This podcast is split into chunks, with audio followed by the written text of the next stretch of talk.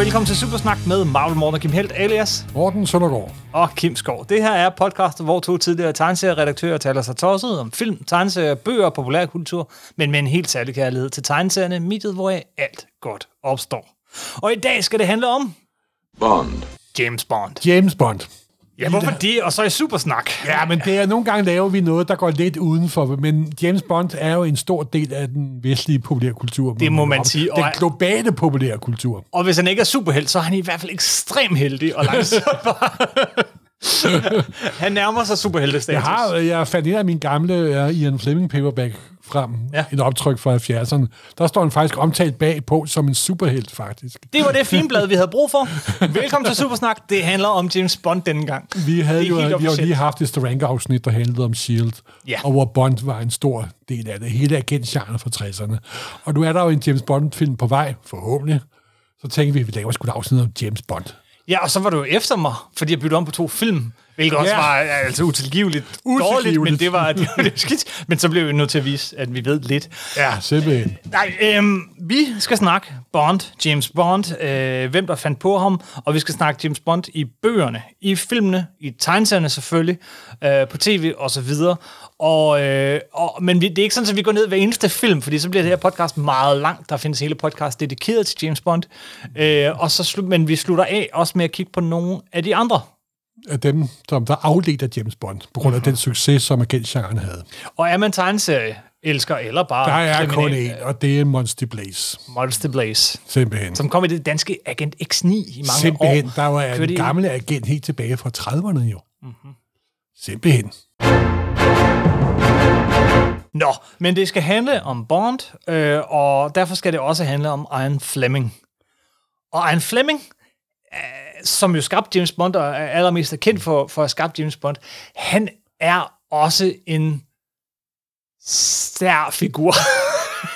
Er han ikke også lidt en mytoman? Han er en mytoman, øh, men han er altså også født til det nærmest. Han er født ind i en, en stenrig familie, øh, bankverden og, og, og Som han opvokset... lykkedes ham at sætte en stor del af den private formue over, over, over, øh, over styr. Ja, det gjorde det. det gjorde det. Og man kunne bruge lang tid på at snakke om hans historie. Men helt kort fortalt, født med en sølvske i munden, og allerede i sin øh, sådan teenageår og tidlig skole, øh, tidlig 20'er, så var han berygtet og kendt for at, at øh, ja, ikke altid være så god ved øh, det modsatte køn, selvom han var bestemt glad ved dem, men ikke altid behandle folk så godt, som de fortjente, for at drikke lidt meget, for at ryge lidt meget, for at bruge olie i sit hår og sådan noget. Det, altså, han skulle lidt ligesom på genopdragelse, og han kom så på noget kostskole og så videre. Og det, der så måske reddede ham, hans ry og rygte og eftertiden, var 2. verdenskrig.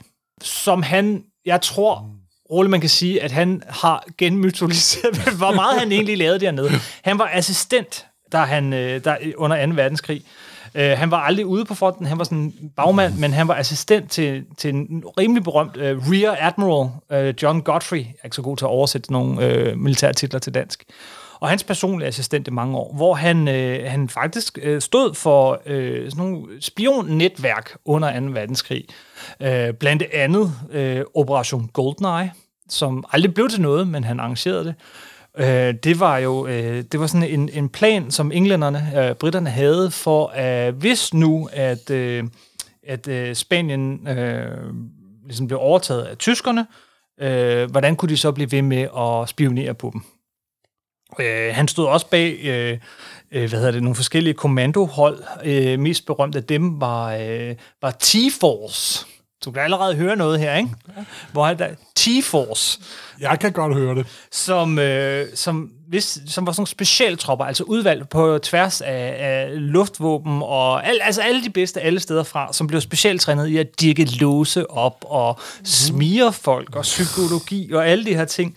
Øh, deres job var, øh, Jeg når der havde det, jeg været... kan se de beskidte du, dusin for mig. Fuldstændig, og der, der stod han for det, men det, vi- det var faktisk ret mange. Vi startede med 30, og så blev det til, til øh, øh, næsten, øh, jeg tror 150 mennesker til sidst, som, som vores kære senere James Bond-forfatter Ian Fleming havde ansvaret for. Øh, men deres job var så, Ja, når, det, er når blevet, det er blevet bekræftet fra anden side. øh, den her del af historien Nå, er, øh, jeg, jeg springer de værste myter over, og, og, han, og der har været andre, og øh, han var med til opstarten af det, da det så virkelig træder i kraft for alvor, så bliver han lidt sat ud på et sidespor.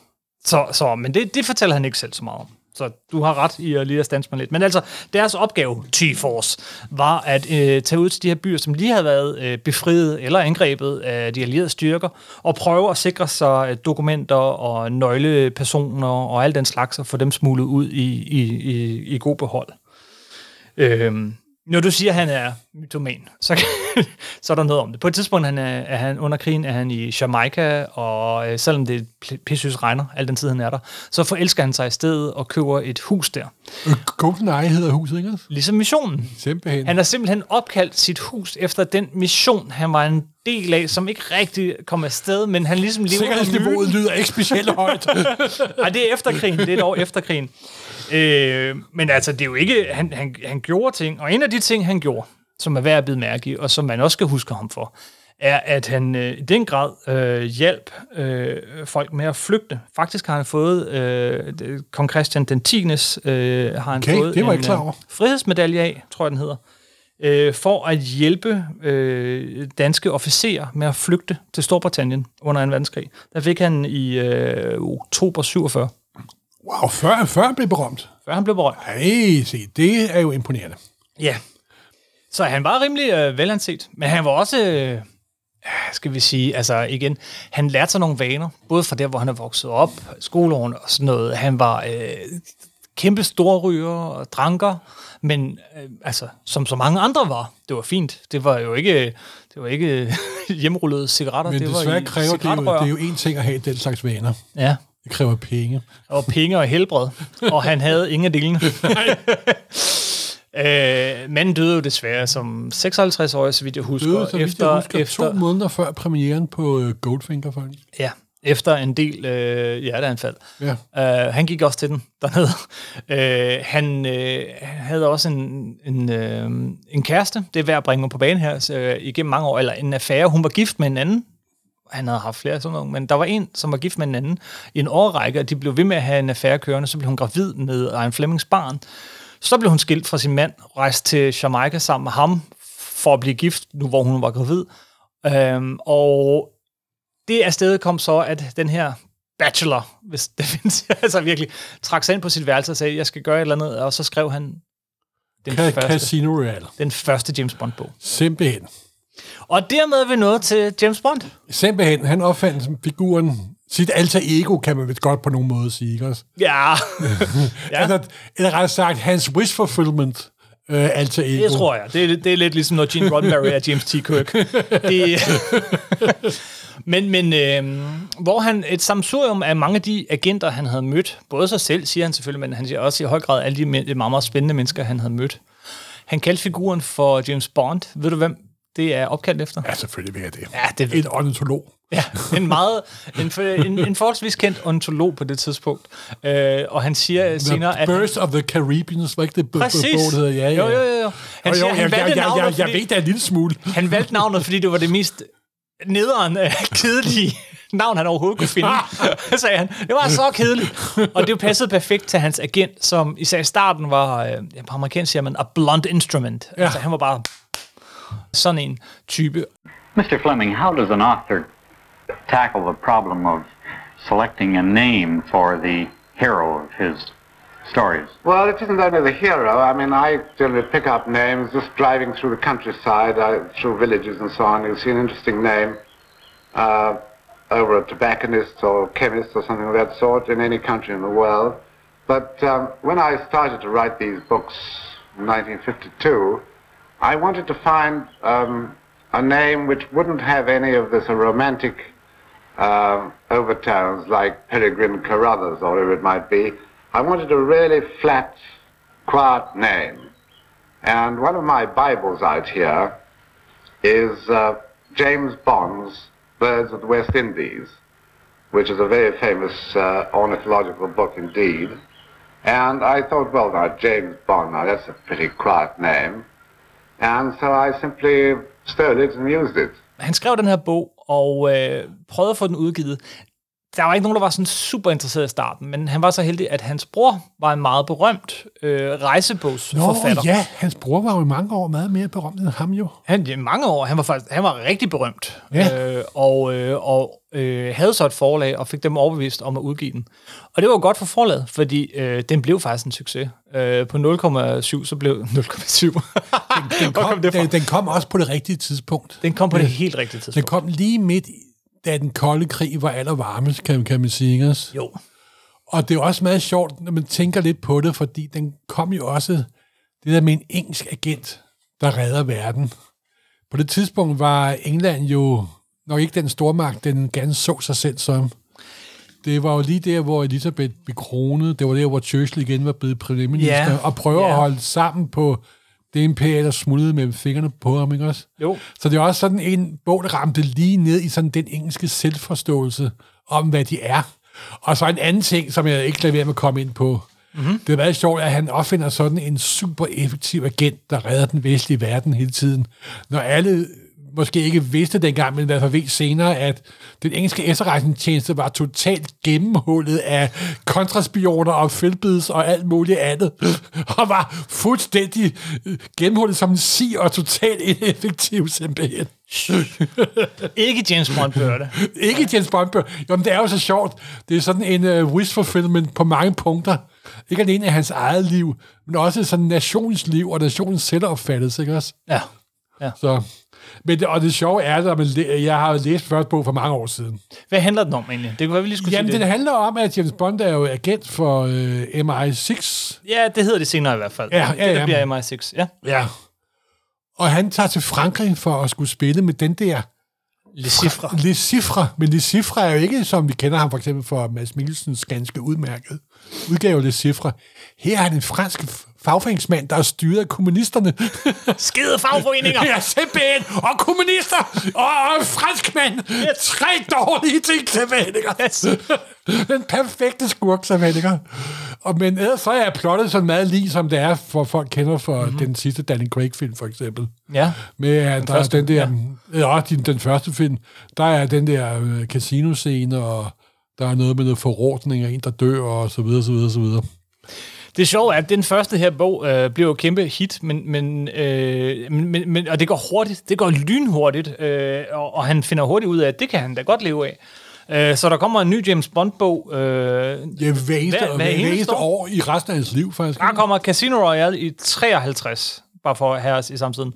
Og den bliver så fuldt efter. Øh, året efter kommer Live and Let Die. Så kommer de ellers år for år.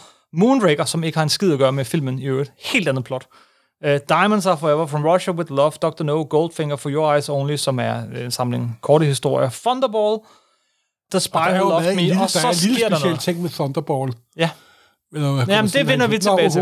Det vender vi Ja. i den grad tilbage til. Og resten af bøgerne. Der kommer 12 i alt, øh, og to af dem bliver udgivet, øh, hvad hedder det, posthumt. Øh, så, så hvert år laver han sådan en bog. Lynhurtigt så bliver det et stort hit, og, øh, og øh, tv banker på. What are you going to do, Mr. Bond, huh? What are you going to do? Det er sådan en times tv-teater. Vi er helt tilbage i 50'erne nu. Mm-hmm. Som, jeg ved godt, det er i mange folks øjne lyder fuldstændig sindssygt. Det var optaget og bevist direkte. Ja, Og det er det, der er så fantastisk ved mange af de der meget tidlige amerikanske, lad os kalde dem tv-teater. det var jo tv tv-teater, ikke?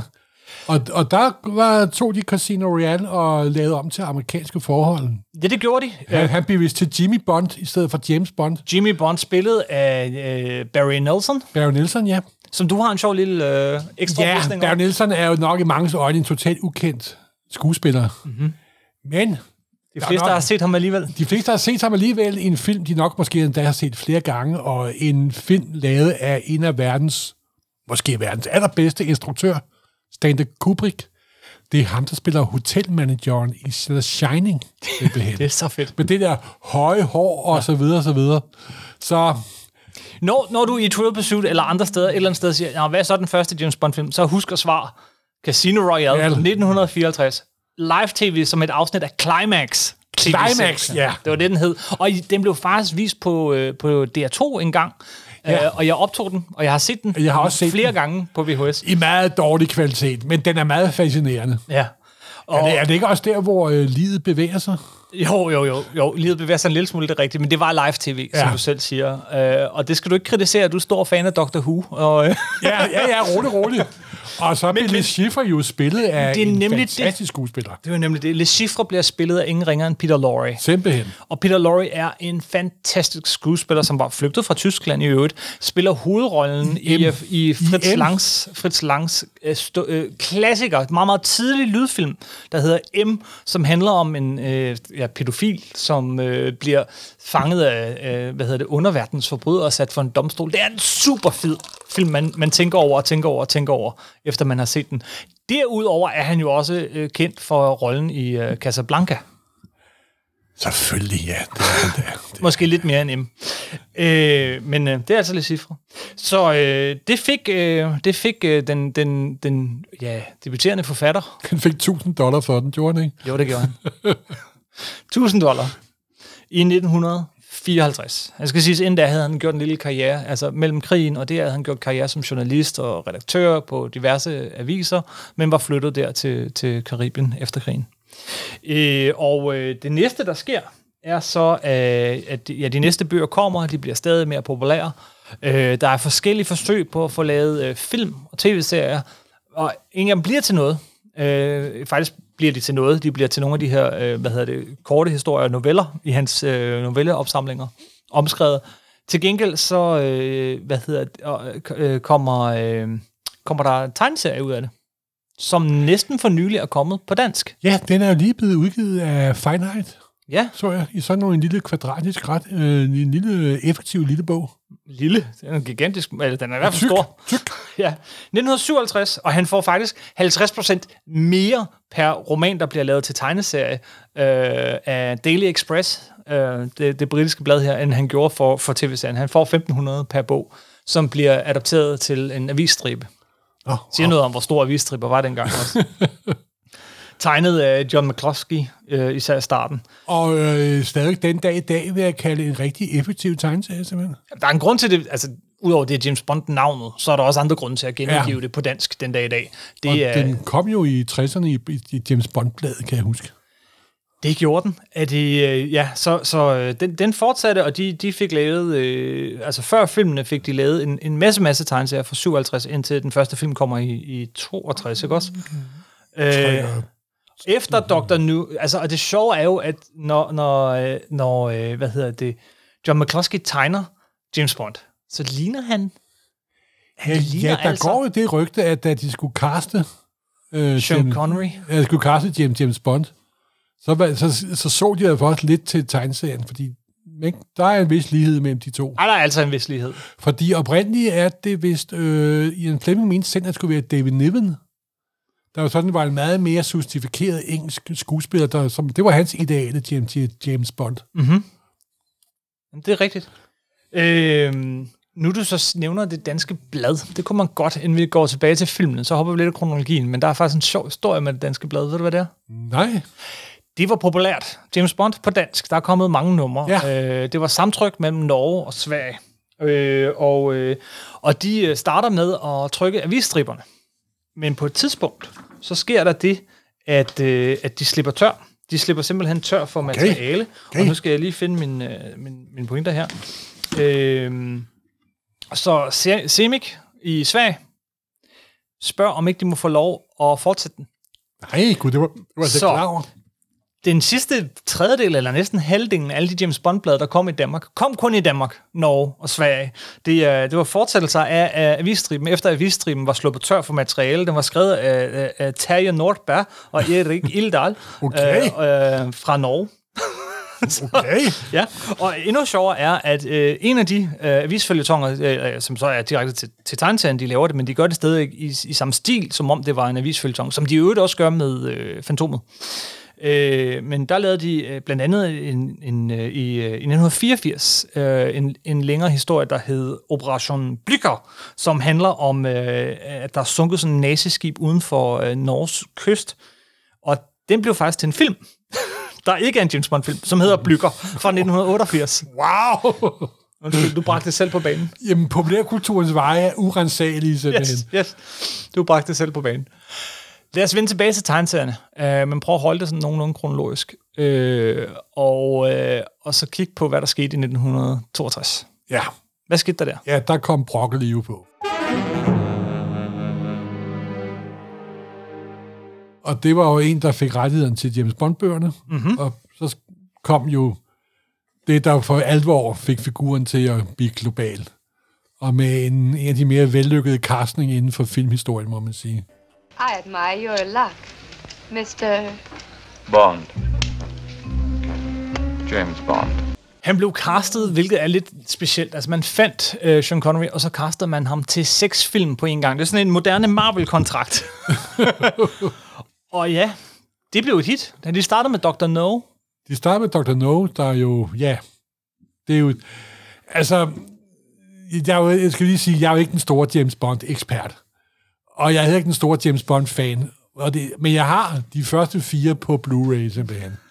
I restaurerede udgaver fordi de er så ikoniske, og de er så 60'er. Og det var den, der satte gang i hele den agent-craze, der ramte 60'erne. Med så stor kraft, der gav afbygget både til S.H.I.E.L.D. og Musty Blaze og en masse andre ting simpelthen. ja, Og den er også den dag i dag en seværdig film simpelthen. det synes jeg. Men, men den, den rigtig gode af dem er den næste. Altså, jeg Ja, synes, for mig er... Altså, den første er, hvor de som ikke famler sig frem, men prøver at definere figuren. Ikke? det er en low-budget film, men de når meget for deres øh, Ja, men beskedne de, budget. filmene gør jo også det, som øh, den store forskel mellem bøgerne og filmene er, at de introducerer humor i filmen. Ikke? Ja, Der kommer en mere lethed over det, ikke også? Og det bliver lidt mere fantasy-agtigt simpelthen, ikke?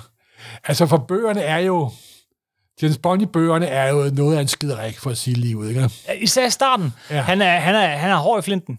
Ja, det må Blond man sige. som jeg sagde. Ja. Og det er også en øh, person, der er utrolig fokuseret på sit eget privatforbrug, simpelthen, ikke? Ja. Nogle af de der øh, Ian Fleming, det er jo nærmest sådan en opremsning af, hvad han drikker og spiser og tager på og Det er sjovt. Ja, jamen, det er rigtigt. Det er rigtigt. Og det, det er nærmest sådan øh, den sådan ultimative øh, wet dream for en midaldrende mand, der ikke har nogen penge simpelthen. Men det er jo også det, de og så er der, vi kommer slet ind på hans noget akavet forhold til kvinder. simpelthen. Men det er jo det, det er sjovt. Det er det, man kritiserer James Bond for rigtig meget i dag. Ikke? Det er det her misogyne, øh, at, at Bond han er, øh, altså, ja, not a good guy, altså. Den kritik er overhovedet ikke ny. Den kritik var faktisk allerede Ja, ja, helt i samtiden. Øh, helt tilbage, og det, det påvirkede i den grad faktisk. Øh, øh, der, der er nemlig lidt baggrundshistorie her, før vi vender tilbage til filmen, fordi øh, i, øh, i starten blev han ret pænt anmeldt, øh, den kære han Fleming, men, men ret hurtigt, så, øh, så får han altså nogle ordentlige slag. Blandt andet i øh, New Statesman, hvor øh, en anmelder, jeg har et citat her, øh, Paul, Paul Johnson i New Statesman øh, skriver øh, under overskriften Sex, Snobbery and Sadism. Without a doubt, the nastiest book I have ever read. Og så, Wow, det har jo garanteret ikke skadet salget. men det gjorde det faktisk. Øh, ah. han, han fortsætter, Mr. Fleming has no literary skill. The construction of the book is chaotic. The entire incident and situations are inserted and then forgotten in a haphazard manner, og så videre, og så videre. Og ved du hvad? Jeg vil faktisk anmelde en ret. Jeg har også læst de her Bondbøger, det er mange år siden, men det er, de er ikke plottet særlig godt. Det, det, det, der sker bare noget, og så sker der noget nyt, og filmene lider også lidt af det. Øh, altså, det, det er jo tynde plots som regel, men, men der er så meget power på. Der er så meget bum, bum, bum, bum. Og de ryger lidt ned i dønnet, men så, øh, så i, øh, i 1961, 62, øh, nej, 61, så er der en artikel i et andet blad, der hedder Life, som vi lige pludselig gør. Life, det er det store amerikanske magasin. Yes. Så Så det året før. billedmagasin af Præcis, alle. præcis. Som året inden Sean Connery spiller James Bond, Ja. ja. lige pludselig tager de her bøger, som er på vej væk, som er faktisk ved at gøre Ian Fleming lidt deprimeret, for han er, Ah, han det er der sådan, Kennedy jeg læser dem.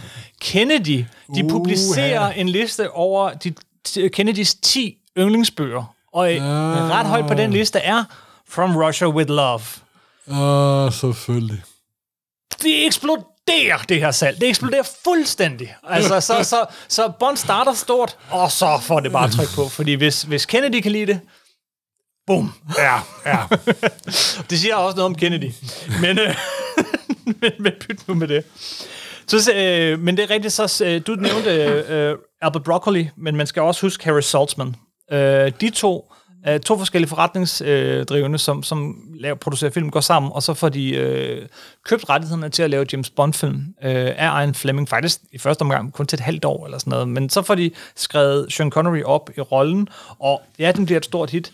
Nummer to er på det tidspunkt udkåret, altså kåret som en af præsidentens yndlingsbøger, og bliver et kæmpe gigantisk hit, øh, From Russia With Love. Ja. Og hvad sker der så? Hvad er film nummer tre, Morten? Nu er du fik Ja. lov at ret på mig sidst, fuldstændig fordi, Nej, at jeg var nej, optaget af at sidde og optage lyd, og det var helt forkert. Nå, okay, undskyld. Både Ja. film 1 og 2, der kan man se, der prøver de lige på at finde den form. Mm-hmm. Og så finder serien sin endelige, næsten sin endegyldige form med Goldfinger. ja. Fordi den har alt det, som en James Bond-film har nu. Den har gadget, den har et stort... De brugte, så vidt jeg husker, øh, det var de brugte... Den første var en forholdsvis lav budget. For Russia With Love var Lidt større. lidt, lidt, lidt, lidt større. Men den har de der scener, den introducerer action-scener. Nå, undskyld. Bagefter. Ja, Ja. ja, ja. Men så i den tredje, der byggede de et gigantisk sæt den, for den afslørende klimaks med Ja. Fort Knox, og så videre, så videre. Og der var jo fokus på gadget. Der var den der søger, som nu kan man ved mobiltelefon. Mm-hmm. Aston, Mount, uh, Aston, Aston Martin uh, DB8. Martin-film bliver introduceret. Der er jo... Lige siden har de prøvet at introducere andre ikoniske Bond-biler, men det, det lykkedes ikke noget. det fordi er- det er Bond-biler, simpelthen. Det er det, det er det. Jeg kan huske, at jeg havde en lille model af den selv, da jeg var 10 år gammel, simpelthen. Og du går ikke op i biler. Nej, nej, overhovedet ja. ikke. Den har også været med, jeg tror, hvis Og- jeg, lige, og- jeg tror, den har været med i seks film, den øh, Aston Martin. Og filmen blev jo en gigantisk succes, og det er stadig den dag i dag en utrolig seværdig film. Goldfinger har alt, hvad der skal til i en Bond-film. For det første et fokus på, som du siger, øh, og som det er blevet sagt før, guns, gadgets og girls. Simpelthen. Bond-piger. Øh, den, det var en af de værste, værste scener i nogen Bond-film overhovedet set med nutidens øjne med Pussy Galore, men byt nu med det. Øh, den har... Øh, Ej, den værste starter scene, hvis man skal tage det, det er nok øh, starten på Diamonds Are Forever, Ja. hvor han kvæler en kvinde med sin egen BH, med, med hendes egen BH. Det synes du alligevel er værd. Ja, det, det, er- det er godt nok lidt Han groft. tvinger sig over Pussy Galore, men ja, men Ja, du mener, jamen, altså, det er voldtægt, og det, det er simpelthen. fuldstændig, det er, ja, det, det, øh, det, det prøver vi ikke at snakke så meget om lige nu her, fordi det kan blive en helt anden, meget lang, og, og, og Nej, og det er da ikke meget men langt. Måske ikke os, der skal. Manden er et dumt svin, simpelthen. Okay, du sagde det bedre. Men det er måske derfor, de har hyret ham. Man skal ikke gøre, som han gør. Man skal heller ikke drikke, som han gør. Man skal heller ikke ryge, som han gør. Og man skal heller ikke hoppe ud fra helikopteren ned på øh, kørende biler på motorvejen, som han gør. Der er meget, man skal ikke gøre, som Nej, James men uh, Goldfinger var en fantastisk succes, og er en fantastisk film. Ja, den har stemning, og så har den også den der sang. Altså, vi har slet ikke snakket om musikken til James Bond-filmen. Det er jo også noget af det mest kendetegnende ved, ved filmen. Det starter Især med... indledningsmusikken. Ja, Der kommer en lille forfilm. det kom så- senere. Det og kom så- ikke fra starten, men ja, Det var, fra- er det ikke fra med nummer to eller tre? tre. Tre. Så, kommer, så får vi nemlig den her øh, opbygningsmusik, ja. Og de der forfilm blev jo et mere og mere ambitiøse. Øh, Og så den berømte dum, dum, dum, med den der lille kugle, og han skyder, og Barry Nelson, kommer ned, ja, og ja. Barry Nelsons fantastiske musik. Og, Og så kommer- ultimative, mest berømte introduktions Shirley Bassett's Goldfinger der. Ja, ja, nemlig. Og hun sang rigtig mange af sangen. Altså, der, jeg tror ikke, jeg kommer til en tanke om andre filmserier, hvor, hvor at, øh, så mange titelsange har været nomineret til Oscars osv. Og, og jeg har hørt alle de her James Bond-sange, jeg ved ikke, hvor mange gange. Det er sådan noget, jeg altid vender tilbage til. Det er min James Bond-playliste. altså, det er sådan noget, jeg kan høre igen og igen. Nå nej, men han gik Også jo hen og blev virkelig en populær kulturel sensation. Yes. Og sådan set, alt er lige været det lige siden. Men der Med er en ikke... masse op- og nedture og sideture og henture. Jo, men aldrig nogen sådan... Virkelig, der er ikke nogen af de her film, der har tabt penge. Nej, nej, nej, nej, gud fri og vel, gud fri og vel. Nogle af dem, der burde have tabt penge, men yes. det er noget helt og helt andet. Uh, det er en af de mest indtjenende, og i hvert fald sejlivede uh, filmserier nogensinde. Altså, og indtil, altså, i antal film af samme figur, så er det jo kun, da vi fik Marvel Cinematic Universe, at det Ja. blev overhalet uh, de er på op, rekordtid. At, jamen, de er alle sammen op, de er begge to op på 23 film, ikke?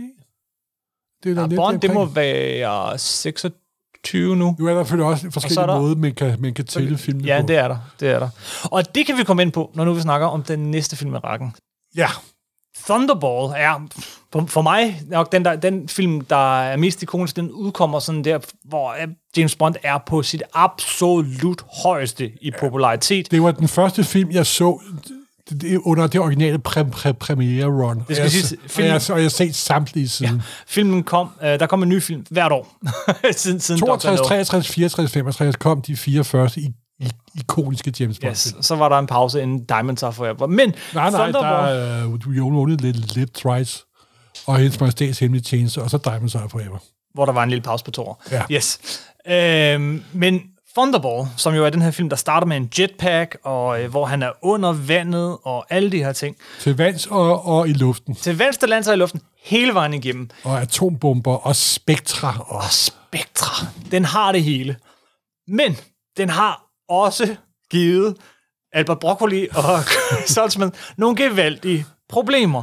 der er fordi- visse copyright-stridigheder omkring den film.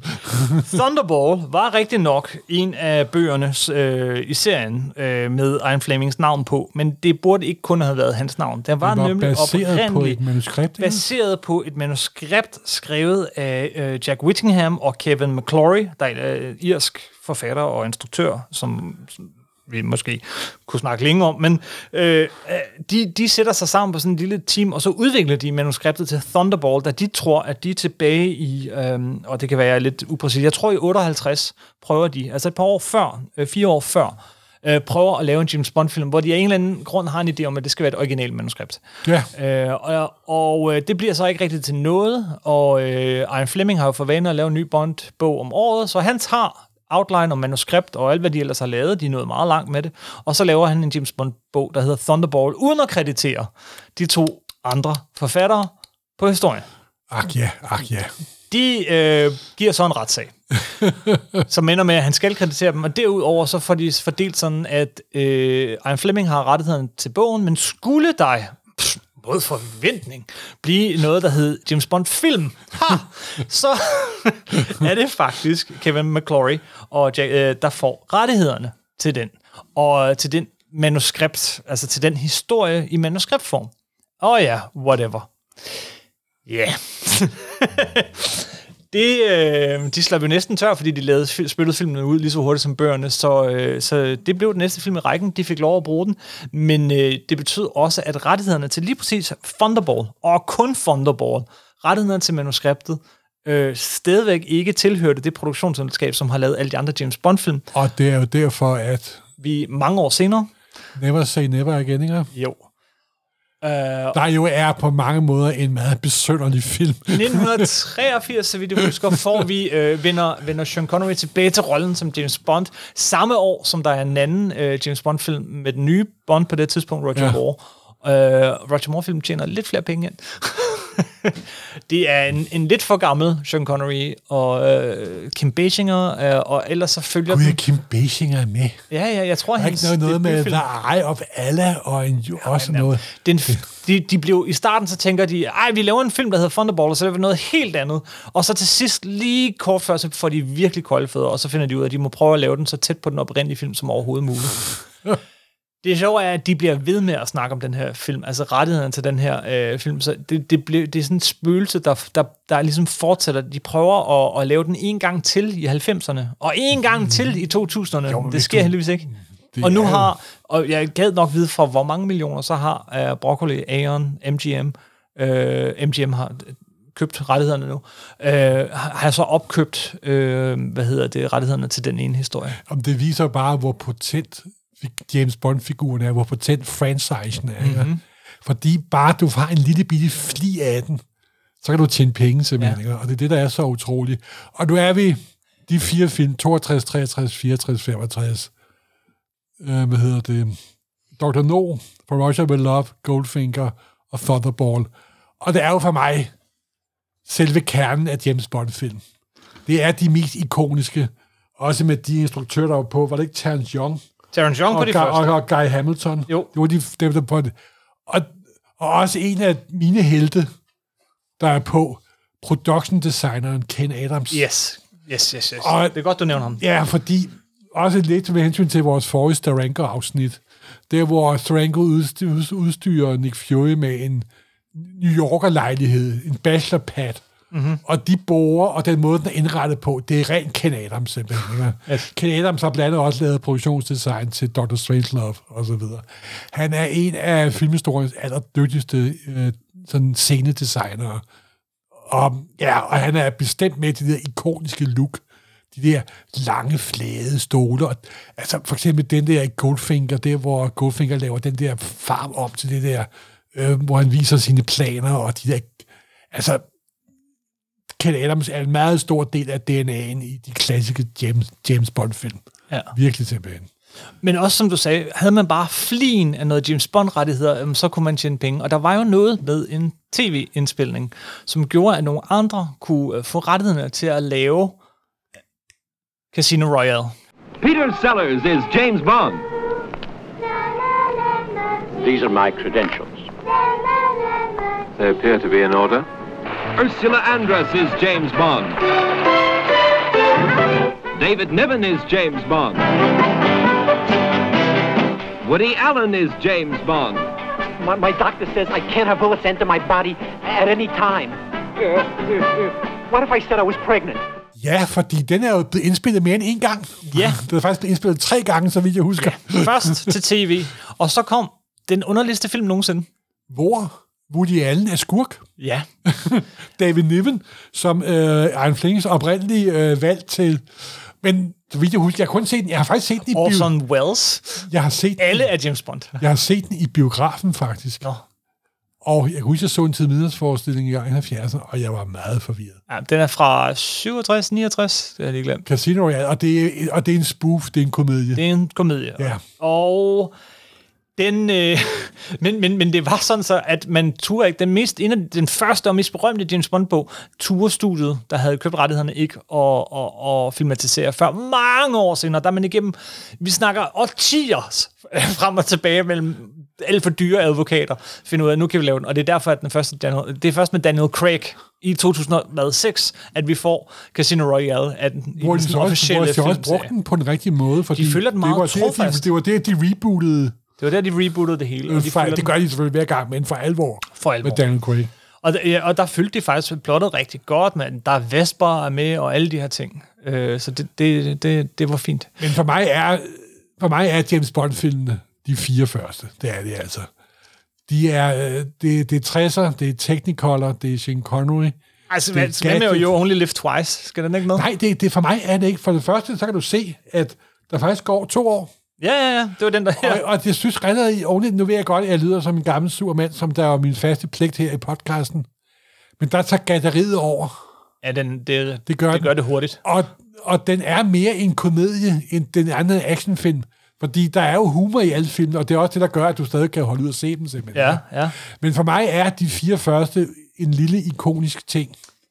Og alt andet er afledninger af de fire første film, simpelthen. Det må, må jeg må indrømme. Den, den, jeg har de fire første på super lækker Blu-ray, og det er først med Casino Royale, at jeg har en til. Mm-hmm. Det smitter faktisk også det der med humoren, øh, også det der med Sean Connery og de skotske rød og charme, alle de ting, og gadgets, øh, det smitter faktisk også af på bøgerne, så Ian Fleming begynder at skrive dem lidt anderledes til sidst, øh, hvor han lige pludselig finder på, at James Bond er af skotsk afstamning og, og, og har en humor, som han slet ja. ikke har i de tidlige bøger. Men det dukker faktisk op til sidst i, i uh, The Man with the Golden Gun og Octopus i The Living Og Daylights. det er også klart, fordi de, altså, de blev enormt succesfulde, simpelthen. Ikke? Også, mm-hmm. altså, det var jo... Det, det var, det, de, altså, Bond-filmen definerer 60'erne simpelthen. Det gør de. Og jeg vil også sige, at det sjove ved filmene er, at de er, sådan noget, de er jo ikke hæmmet af kold krig. Hæmmet af kold krig. Nej, fordi det, det handler jo ikke om kold krig, de der 60'er-film. Vel? Nej. De starten af James Bonds bøgerne handler om kold krig, men filmene, det er jo mere, øh, der er øh, Dr. No, det er en kineser. Det er Østen, de venlige Øster, der er ved at tage over. Ikke? Det er rigtigt Øh, også. der, er den eneste, der virkelig er decideret kold krig, det er jo From Russia with, with, with Love. Ikke? Det er rigtigt, fordi ellers så er det jo Så, Spectra så og Spectra, og så overtager Spe- de bliver også... Altså, for, superskurke, jo, mand. Jamen, de Det er bliver, AM. de bliver til fantasy simpelthen. Ja, ikke det bliver til fantasy. Og den bliver jo til en... Ja, nu for et udtryk, jeg aldrig vil bruge, men nu vil jeg bruge det alligevel. De bliver tegneserieagtige, ikke også? og det er også det, der måske gør, at de holder den dag i dag, ikke også? Ja, det, det kan egentlig godt være, at de ikke... De, Der, der kommer en vis tidløshed over dem. og den der britiske, ironiske distance til sig selv, ja. som også bare... Jamen, det er jo klart, de har da selvironi. Ja, der kan man ikke holde ud at se dem, vel? Men det, øh, det er sjovt, at i samtiden, så mens Bond-manien er på sit højeste, Bond, Batman, Beatles, som vi har snakket om før. De tre B'er. de tre B'er. Så, øh, så kommer der også en hel masse andre ting, som for eksempel øh, Harry Palmer-serien. Ja, øh, det er jo Alain Da- Dalton, og der er jo rent filmmæssigt. Ja. Michael Caine. Ipcress File Ipcress med- File er en fantastisk film, simpelthen. Men det er jo en langt, langt, langt mere øh, grounded Jamen, det er anti-Bond. ag- agentfilm. Det er jo anti-Bond. Ligesom øh, George Smiley, øh, John Le Carrés figur, Ja. øh, Spy Who in for the Cold og så videre, så videre. Det er jo anti-anti-Bond. Men det er jo hvad? sjovt, at de spiller jo på grund af, Bond er så populær, så laver vi noget, der er decideret modsat. Men ved du, hvem der lavede dem? Harry Saltzman, som var produceren på, på, øh, på James Bond, øh, øh, hvad hedder det, hvad hedder det øh, med musik af John Barry, manden bag temamusikken Ja, til ja. James Bond, og klippet, klipperen har vi glemt at nævne, Peter Hunt. Altså, samme hold. Ja. Samme hold, der siger, nu Øh, laver vi det den er- seriøse slags. Det er The Empress File, du tænker på, ikke? Jo. Det er stadig den dag i dag en af mine yndlingsagentfilm, simpelthen. Ja. Og Michael Caine er fuldstændig fantastisk i... Det er meget sjovt. På filmen bliver de nødt til at give ham et navn, men i bøgerne, der hedder han ikke noget. Der hedder han kun jeg. Ja, er det rigtigt? Ja, ja, simpelthen. Jeg, har, jeg læste det med stor for, for, for, fornøjelse. Simpelthen. Øhm, James Coburn øh, spiller med i øh, Flint-filmene. Ja. Øh, som også var meget populær herhjemme i 66 og 69, og, og så... Og så er der Man from Uncle, der var, også var inspireret af Ian Fleming. Ikke bare inspireret, Ja, han, han, havde han, han, fundet på det. han, havde, øh, han, han var øh, con- consultant, Ja, hedder det, consultant, ikke? ja. Han finder faktisk blandt andet på navnet øh, øh, Solo. Ah! det er hans. Uha, han er med i Star Wars! Og hvis vi skal blive sådan meget øh, trivia-agtige, så mange år efter, så kom der en, en, en ret berømt øh, James Bond-bog, som ikke er skrevet af Ian Fleming i forbindelse med 100-året, tror jeg. Øh, altså Ian Flemings, øh, som, som hed Solo. Okay, Så, okay. så det, hele, det hele hænger sammen. Og Og, nu og får The Man vi- from Uncle fik faktisk otte biograffilm. Plus der også kom en uh, parodi på Man from Uncle, der hed Agent Smart. Så en parodi på en kopi af... Ja, netop. Jamen, det er det, jeg siger. Ja, for eksempel, jeg stadig hedder og bladrer i nogle gamle Marvel-ting. Der er også... Ja, For eksempel der midt i 60'erne, da agent, agent Creation var virkelig gigantisk simpelthen. Dean Martin fik fire agentfilm. Kan du huske ja, dem? Ja, Hvad hed de? Hvad hed de? De hed... kan jeg øh, ikke huske. Matt Helm? Ja, Middle Model blev lavet op til agent. Mille de Model? Jeg har en Middle Model, så står den Middle Model nummer 140. Der står der, bedre end Goldfinger, bedre end From Russia With Love, Middle the Agent simpelthen. Mille the Agent. Altså, alle skulle være agenter simpelthen, Yes, ikke? yes, det var fuldstændig yes. utroligt simpelthen, ikke? Ja, ja. og, og, og, og man ser det sådan parodieret i, i dag, i, hvad hedder det, i, hvad hedder, Austin Powers mange år senere, øh, Johnny English og sådan noget, men det var virkelig, det, det var virkelig agent craze. Det var, det var, ja. det var, det fyldte lige så meget som superhelte øh, gør nu om, nu om dagen. Og, de, og, de, de, og ryggraden i det er de fire første film. Helt Uden, sikkert. uden tvivl. Helt sikkert. Og så lad os tage den lidt hurtigere derfra, Ja. fordi så får vi... Øh, øh, You, you Only Live Twice, der kom i, der kom i 67. ja, hvad er det, du har imod den, Tver? Du, du siger, Jeg vil det er for have mange mod den, fordi der kan man mærke, at formen er blevet træt. Det er den, og den har starten, og, og han, han ser også, altså undskyld mig, men han ser ikke så godt ud i de film, som han gør i de andre. Ja, fordi jamen, det sjove ved Sean Connery er, at han jo også... Jeg har set nogle af hans film fra 60'erne, mm. hvor han prøvede at være ikke-bond, ikke? Ja. Og han har jo brugt jo resten af sin karriere på at lave ikke bond? Yes, yes. I undtagen, når de gav ham så mange penge, så han ikke kunne, kunne sige nej, ikke? Han var også pænt sur, fordi han havde skrevet kontrakt på seks film, Ja, og han fik ja. ikke flere penge. Og ikke nok med, at han var med i filmene, de kom også hans ansigt på tegneserier og Ja, øh, madkasser jamen, og alt muligt. altså. Han følte sig pænt snydt med, med, med god grund. Du skal passe på med at underskrive den slags kontrakter. øh, I 1969 så kom øh, for nogen den bedste Bond-film. Øh, Jamen, det, det, men- det, det, det falder til mig ikke. Men nej, det, det gør har- jeg heller ikke. Jamen, det er nu ikke for på nogen måde at virke horski snorski, men sådan, jeg ved blandt Bond aficionados, Ja. der er det altid sådan, ja, den bedste er jo Slazenby, bla bla bla. George Lazenby's 1969 film On Her Majesty's Secret Service, En hvor australsk Bond bliver gift. bilmekaniker, en australsk bilmekaniker kan aldrig være James Bond. Jeg siger det bare. Morning. My name's Bond. James Bond. Den starter med, at han får tæsk af nogle folk på stranden, og så Ja. kigger han direkte i kameraet og siger, This never used to happen to that other guy. Ja, og så er tonen ligesom sat. Ja, simpelthen, ikke også? Men den har jo den utrolig flotte ski, øh, skisekvens. Ja, jeg skulle lige til at sige det. Og, og det er vist det eneste, det eneste, jeg kan huske fra filmen, vil jeg sige. Ja, og så har den hele den her kærlighedsmontage med musik af, af Louis Armstrong. Altså, Gud, jeg, glemt. Jeg, har kun, åh, jeg, jo, jo, jo. jeg har kun set den en gang, må jeg indrømme. Okay, det er typisk dig. Det er det værste lort. Jeg har måske set den en halv gang. Jeg sov Hey, jeg har set den en gang. jeg har set den mange gange. Jeg har Nå, set okay. alle Bond-filmene mange ja, gange. det har, der er mange af dem, jeg kun har set en gang. Og den har da helt sikkert den, altså, objektivt set den bedste historie, hvis man skal sige det på den men jeg kan altså, sige, der er et dramatisk forløb i historien, ja. og hans Ja. kone bliver dræbt til sidst. hvor de andre er sådan lidt mere, nu sker der det, og så sker der det. Altså, de starter tydeligvis, især senere, især da vi så når til, til Roger Moore med, at, at det, det er meget tydeligt, de starter med at finde, hvad kan vi lave for nogle actionsekvenser? Okay, hvad kan vi finde på en tynd historie, der kan hænge det, der får det hele til at hænge sammen? Nå, men jeg kan da huske, det kan vi komme til senere, øh, med action.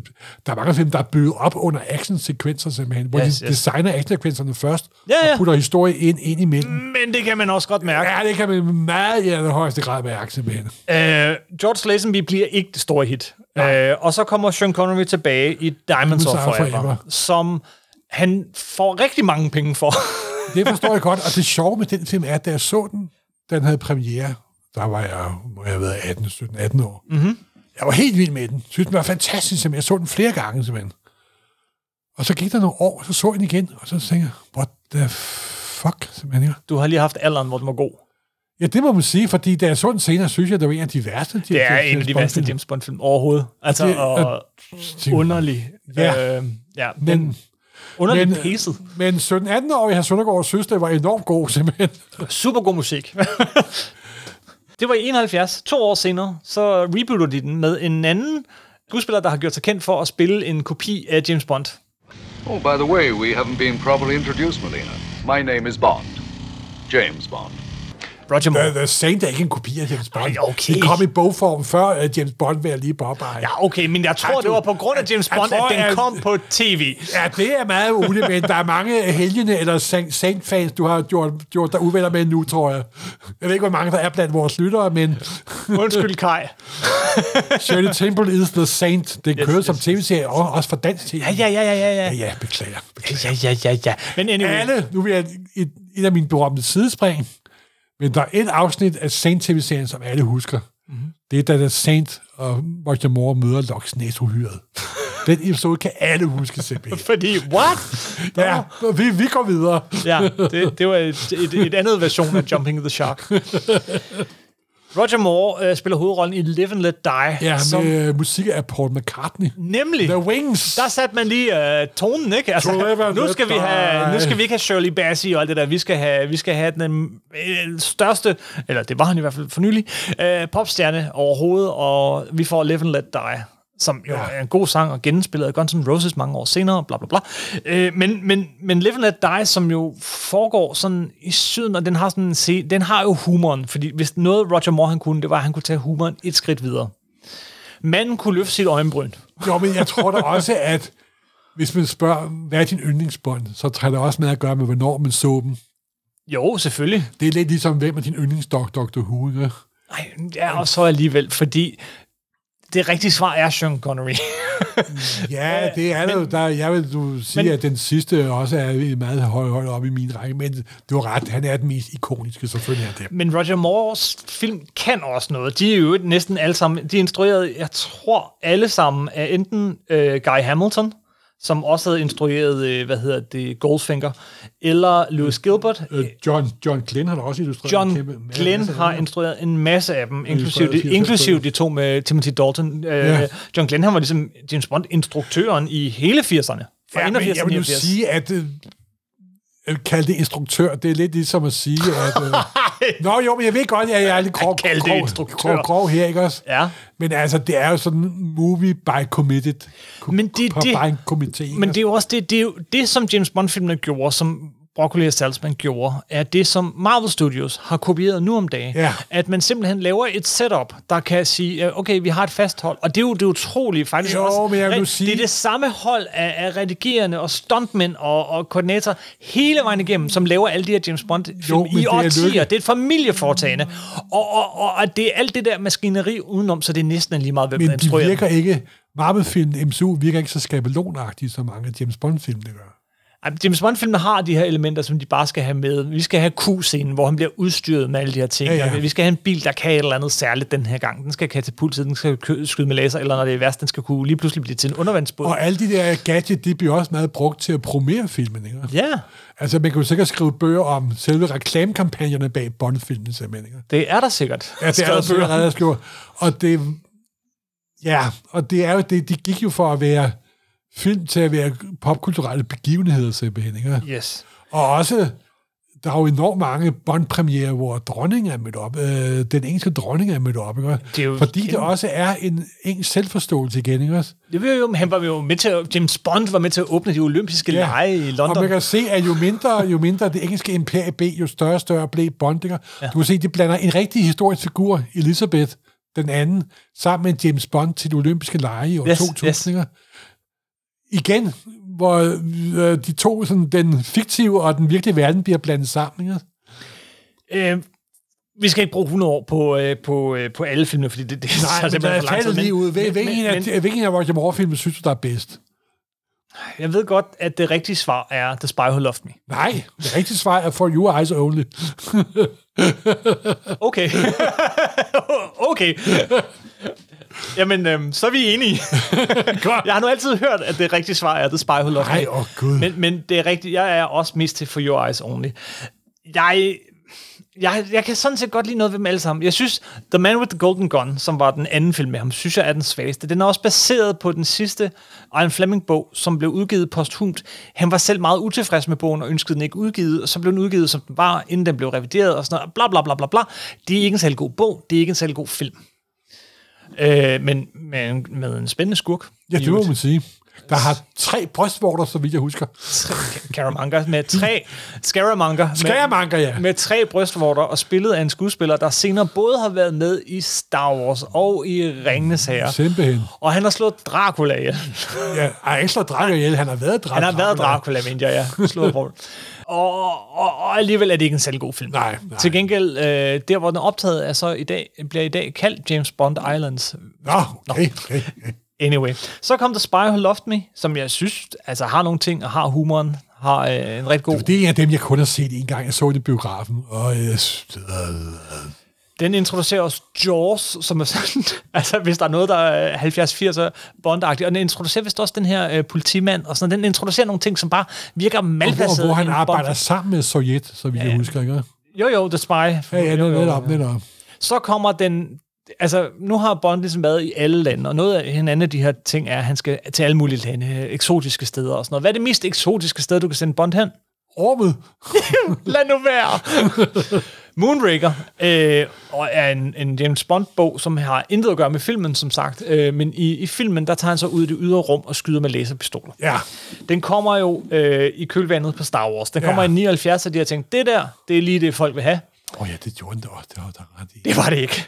Igen Den er- dem, jeg kun det- har set, set en gang. Altså, den har en rigtig interessant skurk, faktisk. En god opbygning. Øh, noget af det mest sammenhængende i, i de her Bond-film. Den har alt muligt, indtil han ud i det røde rum og skyder med rumpistoler.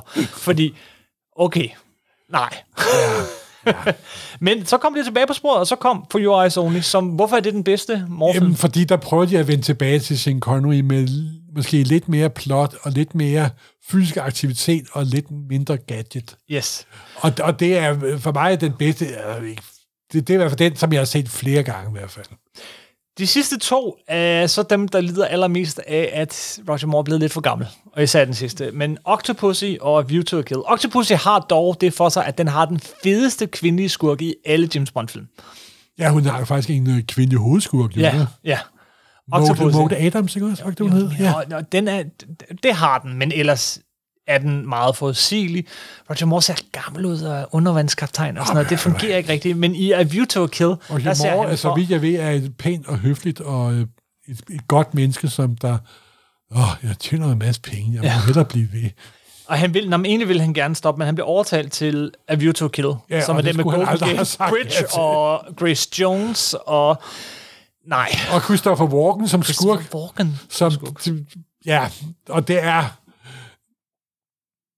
Det kunne altså godt blive den værste James Bond-film af alle. Og, øh, sådan, mm, ja. ja. De prøvede.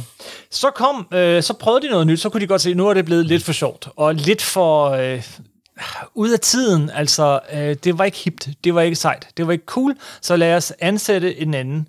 Og det blev så, øh, det skulle så have været Pierce Brosnan. Ja. Men det blev det ikke, For han var på en han var i en TV-serie. som skulle slutte, men ja. Da de så hørte, at han, ville, han var blevet udset til den næste James Bond, så skyndte de sig at forlænge hans kontrakt. På Tordenfuglene, var det ikke det, den hed? Nej, ikke Nej, nej, Tordenfuglene. nej, nej, Ikke Tordenfuglene. nej, Nej, det er- det noget helt andet. Hvad hed den? Den hed noget derhen af. Ej, det var, han var, Det var sådan, sådan en gen, sådan en gentleman 7-agtig. Ja, ja, jeg har ikke Tordenfugle, det ved jeg ikke, hvor kom fra. Men anyway, ikke en Det viser, hvad du sad og så tv i 70'erne og 80'erne. Der var ikke så meget. øhm, og, øh, og så i stedet for, så blev det Timothy Dalton. Ja. Øh, Så lavede to. fik lov at lave to, og blev meget udskilt. Nok Ja. mest fordi han havde virkelig ikke meget humor. Nej, og jeg synes heller ikke, at Tim Storten er en særlig stor sku, skuespiller. Jeg tror, at han, han på papiret lyder han rigtig godt tilbagevenden til bøgerne. Altså det der nitty gritty noget fra en Flemings bøger og sådan noget, men han bliver introduceret sådan, at den første, han, han lander, og så spørger de, hvad hedder du? Who are you? Bond, James Bond. Bond, James Bond, og så fortsætter han, ikke? Altså der bliver ikke, der, han malker intet. Han er bare hård og hård. Jamen, han, som jeg siger, nu ikke for, at jeg skal, være, jeg skal give skuespiller karakter, fordi jeg har ikke noget særlig meget for, forstand på det. Men i mine øjne er han nok den, at dem, der har spillet James Bond, der har været den dårligste sku, skuespiller. Nu ved jeg godt, der er Timothy Dalton-fans derude. Altså, og... nu synes jeg, du er sød mod George Lazenby. Nå gud, ham er jeg helt glemt. Jeg har glemt den australske mekaniker.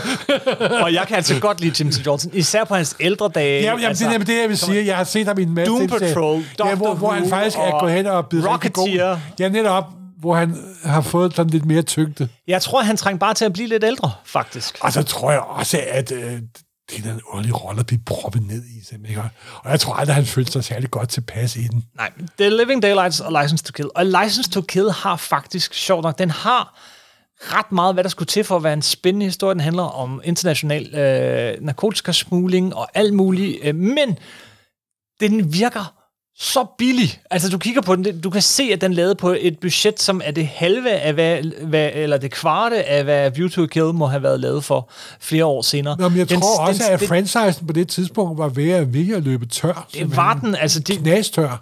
det, da de lavede, øh, da, da The Living Daylights kom, og den, den fejlede, altså box office-mæssigt, så, så var det uh, Broccoli-brødren, der ligesom tvang igennem, fordi det er et familieforetagende det her, at det Ja. skulle være Timothy Dalton i den næste film også. Da den så heller ikke blev den store succes, så, var det ved, så troede man faktisk, at okay, slut med James Bond, den tid er slut nu. Det var et a good long run fra, øh, på film fra 62 til 89, Ja. ja. plus to udenomsfilm. Nu er det slut. Og så holdt de også en pause på seks år. Seks år gik der. Ja. Og så, øh, så fik de Og, og det var en, en velfortjent pause, og det var en pause, der sådan... Der kom, lidt, ind- der kom lidt gødning, der kom, ind, der kom lidt øh, energi tilbage i jorden. Man skal lade marken ligge brak et stykke tid. Og den her koldkrigshelt fik sin sidste film i 89 i lang tid, og, og da den, han vendte tilbage i øh, 1995, så var det jo en anden verden. Det var en helt anden verden. Ja. Men faktisk, så vil jeg sige, at da Pierce Brosnan er med i GoldenEye, instrueret af Martin Campbell, som er en god, skues- øh, god instruktør, øh, så, Ja, ja. øh, så er det faktisk den bedste Bond-film i mange år. The name's Bond. James Bond. Ja, øh, uden tvivl. Uden tvivl, simpelthen. Det, det er- bedste Bond-film siden, øh, i min øh, siden øh, Underball, ifølge min. Jeg vil gå så vidt som til at sige, måske siden, øh, siden, siden, Goldfinger, men From Russia, ja, Thunderball er, har nogle ting, men den er også... Ja, okay. Nå, anyway, det skal vi ikke diskutere, men, men GoldenEye, de to, øh, de, det, det er ligesom, den fik lidt det, den, det, Pierce Brosnan var lidt det hele. Jeg vil påstå, at Pierce Brosnan er den bedste Bond i de værste Bond-film op igennem 90'erne. Fordi efter GoldenEye, ej, der kom det går jo også en ned anden bakke. meget, meget vigtig ting i GoldenEye. Ja. Den bedste skuespiller, der nogensinde har været med i en James Bond-film. Sean Bean? Nej.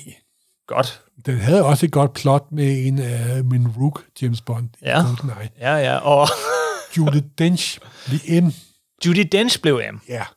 Og hun er uden tvivl den bedste skuespiller, der nogensinde har været i Bond-franchisen overhovedet. Uden tvivl. Hun er en fantastisk skuespiller. Det er jo næsten ironisk, at hun er mest kendt for den rolle, men... Øh, Ja, fordi Jeg har, jeg har set hende to gange i levende live på teateret, og hun Ja. er ikke større end tobak for en skilling, simpelthen. Nej. Hun når sidste række ubesværet, simpelthen. Altså, hun er en fantastisk skuespillerinde, simpelthen. Hun er fantastisk. Og jeg, jeg husker, det var en af faktisk grunden til, at jeg enormt godt kan lide de der Pierce Brosnan-film, fordi M Og hun kører- Julie Dench. Yes. Og hun har jo kørt med to bånd. Ja, både Pierce Brosnan og Daniel Craig. Men for lige at gøre Pierce Brosnan Ja, færdig. ja. GoldenEye, synes jeg, er en, en rigtig god film. Den har humoren, den har charme, den har også seriøsiteten. Og du tror på, modsat, modsat Roger Moore, så tror du faktisk på, at hvis Pierce Brosnan slår dig, så gør det ondt. Ja. Øh, så han har en, og den der, den der kynisme og den der blonde instrument-agtige ting, som, som, som Sean Connery også havde. Øh, samtidig med, at han, og, han er charmerende. Død charmerende. Øh, og, og ja, GoldenEye er faktisk en god film. Men så har den også den der, hvad hedder hun? Ivana... Ivana hende, der dræber folk ved at presse lårene rundt om dem. Og, øh, she always liked a good squeeze, som han siger, da hun dør. Aha, aha. Øh, så kommer Tomorrow Never Dies, og den er der mange, der hader. Tomorrow Never Dies var den næste Pierce Brosnan-film, og problemet ved den var først og fremmest, at den havde så mange reklameindslag for BMW. Det var, det var BMW. BMW. produktplacering tog Produktplacering overhånd. Jeg husker, jeg så den for første gang. Det var...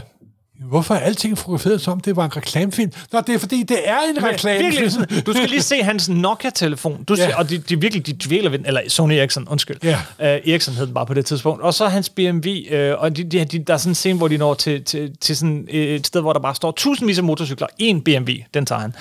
Men den har to ting. Den har Michelle Yeoh i en rolle, hvor at hun faktisk i scene efter scene efter scene viser, at hun er sejret end James Bond, den kinesiske Simpelthen, agent. simpelthen. Og Michelle Yeoh er en fabelagtig øh, akrobatisk skuespiller, og hun var så sej i den her film. Så har den et plot, som jeg holder meget af, hvor at skurken, igen også herligt overspillet, Det er Murdoch. øh, er Murdoch. Den handler om, at pressen... Det er den, Jonathan den laver, Price, der spiller ham. Jonathan For Price en fantastisk skuespiller nemlig også. skaber nyhederne. Øh, og så har den den bedste motorcykelscene i alle Bond-filmene. Øh, og det er ikke den eneste. Den har sin fejl. Og så har den også slutscenen, som er skurkens hovedkvarter, som er sådan en kæmpe undersøgelse, kæmpe undervandsbåd, hvor det hele foregår. Den har alt det der. Jeg holder meget af Tomorrow Never Dies, og jeg ved godt, jeg er undertal, men jeg holder meget af den. Jeg synes kun, det er det der product placement, der, der sker. Men øh, jeg holder meget af den. Til gengæld er The World is Not Enough virkelig skidt. Der får vi, øh, hvad hedder hun, hende her, øh, professoren, på to, der højst kan være 21, øh, spillet af Denise Crosby, og, og den har, den er Det, det har virkelig, jeg kun set én gang. den er Det sjove er, jeg kan så elendig, Morten. den er jo lavet af Roger Spussen, uh, Spottingwoods, der er en fremragende instruktør. Nej, det er Tomorrow Never Dies.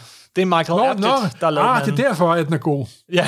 Ah. Nej, men Tomorrow Never Dies, altså, jeg forstår Jamen, ikke, folk siger, at det kun Jamen, er Golden Roger Øje, der er god. Er jo faktisk, øh, hvis tager instruktørlinjen, så er han da en af de bedste instruktører, der har været på. Jeg kan, Hvad han ellers lavet?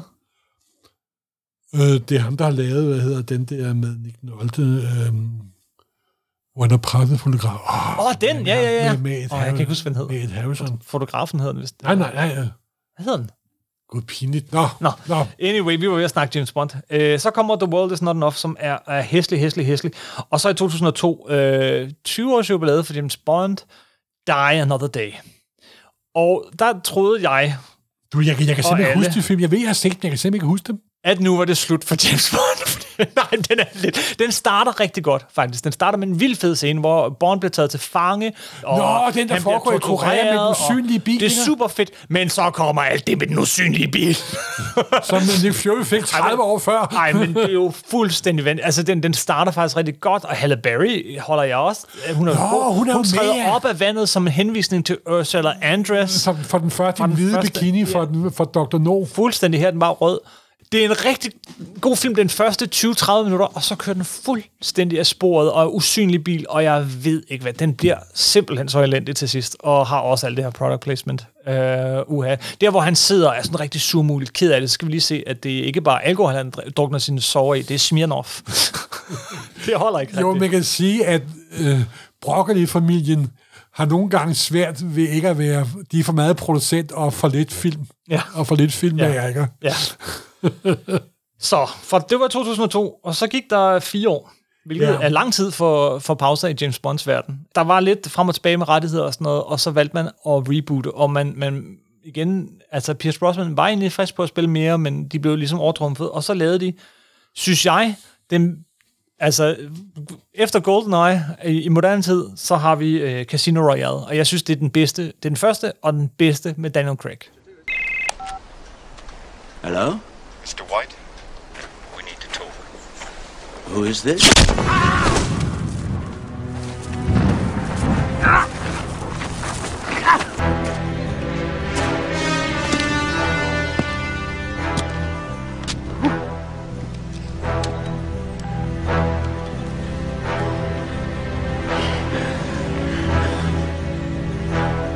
The name's Bond.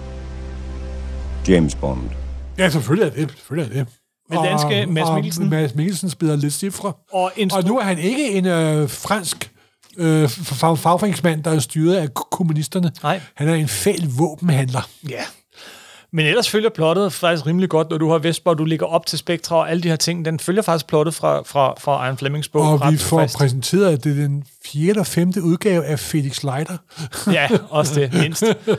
øh, og så er det Martin Campbell, som instruerede GoldenEye, der vender tilbage. Ja, ja. Og instruerer den og, her, jamen, og den, han er super altså, instruktør. den er virkelig effektiv, simpelthen, kan man sige. Den er virkelig effektiv, og den er vældig underholdende. Mark Fosters uh, Quantum of Solace uh, er meget udskilt. Den lider meget af, at der var uh, hvad hedder det, en strække blandt forfattere i USA. Ja. Så der er uh, heldigvis, så handler det meste i en James Bond-film jo egentlig, i hvert fald før rebootene her, om actionsekvenser. Og der er nogle meget, meget, meget imponerende actionsekvenser i Quantum uh, of Solace. Den er værd at se alene for biljagter og alt det her. Men ellers så har den altså det mest rode, tynde plot af, af alle de nye film. Det, det, det er sådan noget med, at man forsøger at stjæle vand i, i, i ørkenen, og, og, og det, der er så mange forspildte chancer, manuskriptet er noget rod. Ja, Øhm, ja, ja. Men så kom, øh, så kom øh, Skyfall, som faktisk var virkelig god. Instrueret af Sam ja, den, Mendes. den, den har aldrig været den store. Jamen, jeg må indrømme, det er. Spectre, du tænker på. Nej, det er også Sky- Skyfall. Er det også Skyfall? Ja, det er, jeg, jeg, jeg beklager. Jeg synes, det, Skyfall det, er- det, det, det der alene hjemmeplot, hvor, hvor, hvor hende og hvor Julie Dench og Daniel Craig for, for, forsvarer sig med de køkkenredskaber, de har. Morten, Morten sidst. stop lige. Lad mig lige. Judy Dench og Daniel Craig forsvarer sig med de køkkenredskaber, de har. Ja. Den film vil jeg gerne se. Ja, men øh, jeg synes, det ligner alene hjemmetræ. Altså, Ja, det er det også lidt. Det er det også lidt. Men det er de, de sidste 20 minutter, og, og Skyfall er Ah. virkelig flot. Det er Sam Mendes, altså det er jo sådan en stjerne. Ja, men Sam Mendes er en fantastisk instruktør, det er slet ikke det. Hvorimod Spectre, der forsøger man lidt at vende tilbage til, til, til, til øh, hvad hedder det, den gamle Bond og, og, og Spectre, og Men, men, men forsøger en masse ting, og der ikke er noget, der, der lykkes. den, den, den Synes går sådan jeg. underligt Ja. i stå. Øh, jeg synes, det er en mærkelig film. Det synes jeg. Jo, men det er jo, altså, det er jo med mange James Bond-filmene, er, at det er tit og ofte, at producenten har fået med at skulle sagt, skabelonen til over. Mm-hmm. Det der nu vil for at sammenligne det med den anden store franchise, som jeg holder med af MCU-filmene, der er producenten sikkert også benhård, men de er også gode til at lade de diverse kreative folk, der er på, som instruktøren, få lov til at komme igennem. Ikke? Og der har man ikke indtryk af, at der er på øh, James Bond-filmene. Altså, at de, altså, Sam at de ans- Jamen, Sam Mendes er jo en fantastisk instruktør, men det ligner sgu da ikke en Sam Mendes-film, gør det? Det gør det da ikke. Bare Det er da ikke. American Beauty. Det er da ikke manden for American Beauty eller, Re- eller Revolution. Han, ej, men Road. man, det er simpelthen nogle af de Det skal det heller ikke jagter Det skal det, skal det heller ikke være. Og, Men de ansætter jo sådan en for at få noget kreativ input i deres lidt halvdøde franchise. nu har han fået lov. Halvdød. de tjener rimelig godt. Nå, jamen, jamen, det er jo ikke det. Jeg tænker på dem som rent film. Men, men Spectre var helt tilbage i 2015, og, og igen, jeg synes, Skyfall, jeg synes Skyfall var god og kunne noget. Casino Royale var god, øh, men, men, men nu, nu, er der så fået, nu har vi fået endnu en lang Bond-pause. Faktisk en, en virkelig lang, lige så Ja, lang som men- den længste. Og ja. det skyldes så øh, flere ting. Det skyldes, øh, at man prøvede at sælge rettighederne. Man prøvede at sælge MGM. MGM blev opkøbt. Der var alt muligt frem og tilbage. Øh, og så selvfølgelig corona-ting, Ja. øh, ting, der har forsinket alting yderligere med et år. James Bond, den nye James Bond-film, stod til at udkomme lige inden alting lukkede ned. Jamen, nu jeg kan huske, at James Bond-traileren droppede, og så sendte Marvel ud, sikkert fuldstændig tilfældigt, traileren til Black Widow to, to dage senere. Ikke? Ja, ja. Og den ene trailer så jeg en, i mine øjne, en virkelig god, faktisk nogle af de, en af de bedste skuespillere, der spillede James Bond overhovedet. James, Daniel Craig er en virkelig god skuespiller. Så en lidt midaldrende træt mand, der prøvede på at undgå at blive slået ihjel. Og to dage senere så jeg en super aktiv, øh, hemmelig russisk agent, der kæmpede for verdensfreden og livet, simpelthen. Og, Jamen, jamen, det er jo det, fordi nu nævnte vi nogle af de der gamle øh, film fra 60'erne, som, som, som, øh, som, som, som også var Bond-film, men inden den, i mellemtiden har vi jo så fået, øh, hvad Vi har fået det? Ja- Bourne. Jason Bourne, og Ja. de super kinesiske slotskampe, Ja. kinetiske, ikke kinesiske, slotskampe, som, så, som vi har i, i, i Jason Bourne-filmene, og vi har fået Mission Impossible, Ja. ja. som bare skruer den op for Et- film for film en, for en, film. En, en stjerne, der forgæves prøver at slå sig selv ihjel i eneste film. Hele tiden. Det er jo, altså, det er jo godt nok imponerende. og en masse andre, øh, som, som jeg, jeg vil ikke engang kalde dem agentfilm, jeg vil kalde dem James Bond-film. Jamen, jamen, det er også det, at de der actionsekvenser, som der er også i James Bond-film nu om dagen. Ja. de hører jo ikke hjemme i de Goldfinger. Der er der en lang, lang scene, hvor de går og spiller golf. Ja. Og det er en fantastisk scene. Ja, Det var der aldrig gået, gået, gået i dag. Eller jagtscenen i Moonraker, Ja, men det ja. jeg godt kan lide ved Moonraker, den første halvdel, hvor han går og skyder lerdur, og så lige sk- skyder en, der sidder oppe i et- træ. Og, Ja, ja, men ja. Altså, der, de skal genopfinde den, øh, det kan også godt være her efter Daniel Craig, for jeg tror, det er den sidste Daniel Craig-film, det er jeg ret sikker på.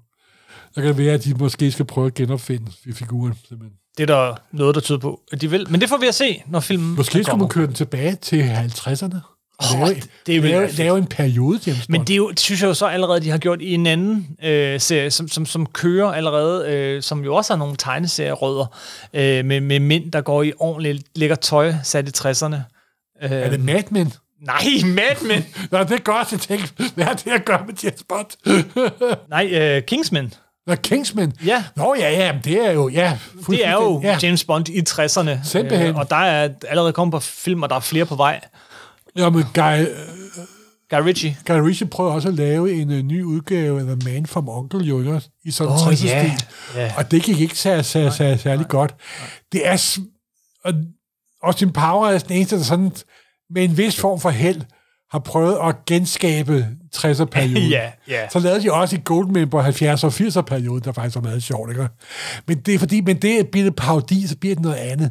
Du kan ikke genskabe 60'erne. Men, men jeg synes jo, det de viste med Daniel Craig-filmene var, at der er stadig gods i James Bond. Du kan godt lave en action. Hold Jo. kæft, der er gang i Casino Royale. Altså, man sidder på kanten af sædet. jo, jamen, det er en øh, bestemt en øh, storartet film. Og der er noget over den der super velklædte gorilla i, Ja, ja, ja, i, i et jakkesæt. altså, øh, der- der er altså noget... Og, ja.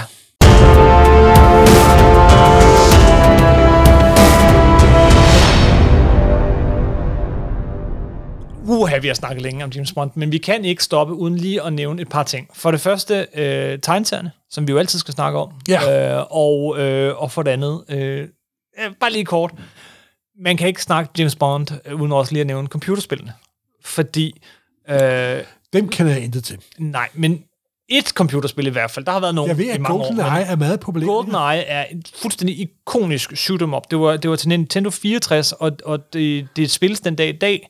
Det er en af de der få computerspil, som, som, som, som aldrig dør ud, og det var et, hvor man kunne spille sammen eller mod hinanden i baner, arenaer og sådan noget, og så du kunne spille, du kunne, du kunne øh, spille, øh, hvad hedder ham der, øh, der kaster hugen i, i GoldenEye og sådan noget. Det var, det var der Pierce Brosnan, når man havde GoldenEye, og man troede, ingen vidste, hvad de gamle Bond-film var, så kom det her Kaster spil. du mener, Hatten. du mener hatten. Ja, hatten. Ja, ja, ja, og, og, og det uh, spillet gjorde, var, at den genintroducerede nogle af alle de her gamle øh, Nå, okay. hvad hedder det, James Bond skurke og helte fra før dem, der spillede, må man antage, computerspillet var født, Ja. og, og var med til ligesom at cementere, at James Bond ikke bare var den nye Pierce Brosnan-film, men noget virkelig stort, og noget med rødder tilbage og sådan noget. Jeg tror faktisk ikke, man kan undervurdere, hvor vigtigt det computerspil har været for en helt ny generation. Ja. Øh, Jamen, og- jeg har og til aldrig at- spillet det, må jeg jo ærligt om. Og det har jeg siddet mange en aften. Ja, det kan jeg høre. Langt ud på natten med cigaretter og øl, der jeg... Uha, uha. Skeletterne vælter ud af skabet. Ja, ja, ja, og det var skide hyggeligt. Og noget andet er så tegneserierne, fordi vi snakkede om, hvad hedder det, vi snakkede om, om avisstriben, ja. som er vigtig, og som jo lige for nylig er kommet øh, på dansk igen. Øh, så snakkede vi også om den, den, øh, den svenske stribe, der er kommet, øh, men der er, jo, der er jo mere end det. James Bond er sådan en tegneserie, der, der kører den dag i dag, ja. øh, men det har faktisk ikke altid været sådan hvad hedder det, helt tilbage i hurra, 62, så udgav DC Comics øh, noget, der hedder Classics, øh, øh, en, en, ja, de genudgav faktisk, øh, hvad hedder det, øh, øh, Åh, oh, hvad hed den? Den første. Den er lige væk. Uh, Dok- Dr. Dr. No? Ja. Dr. No, som tegneserie. Oprindeligt lavet i uh, Classics Illustrated, og så udgivet af DC Comics i Showcase Presents. Men så gik der faktisk næsten 20 år, før James Bond fik sin egen tegneserie. Den her gang fra Marvel Comics, som var en, uh, en version af For Your Eyes Only. Uh, Ja. Så helt op i 81. Det var, Og det er sjovt, at der det, går det så var mange Howard. Checking, der, der, skrev- der tegnede den, så vidt jeg husker. Og den er elendig. Ja, den er virkelig Den elendig. er ekstremt dårlig, simpelthen. Ja, ja, ja, ja. De udgav, og så har de ellers lavet sådan en del, øh, hvad hedder det, øh, tegneserieversioner, øh, hvad hedder det, altså, de lavede også Octopus, og senere så var det, øh, sjovt nok, Mark Grell, der, der lavede en del øh, tegneserier over på det der. Jo, men hans stil ville også passe godt til en James Bond. Jamen, Mark Grell, han, han, han ikke bare lavede han, øh, hvad hedder det, tegneserieversion af License to Kill, han lavede faktisk også en, øh, som noget nyt. Øh, Ja, en, helt- en originalhistorie. en originalhistorie, der Ja. hed Permission to Die. Ja. Han lavede også den serie, der hed John Sable. Der også var sådan en lidt Bond-agtig figur, så han, hans stil passede vældig godt til det. Men det er rigtigt. Og så, øh, hvad hedder det, øh, Top Comics prøvede også en overgang. De prøvede sådan alt muligt, hvor der kom et hæfte, og så kom nummer to, ikke? Og så lavede de to hæfter en anden serie, og så kom den tredje, ikke? James Bond er jo en tegneserie-franchise, der har været på mange for- forlag. Jamen, det er det nemlig. Det er lidt ligesom uh, Star Trek, den går også fra forlag Men til de forlag. to mest succesfulde øh, forlag, altså når det, når det kommer til rettighederne, øh, øh, det, det er nok øh, Dark Horse og Dynamite. Ja.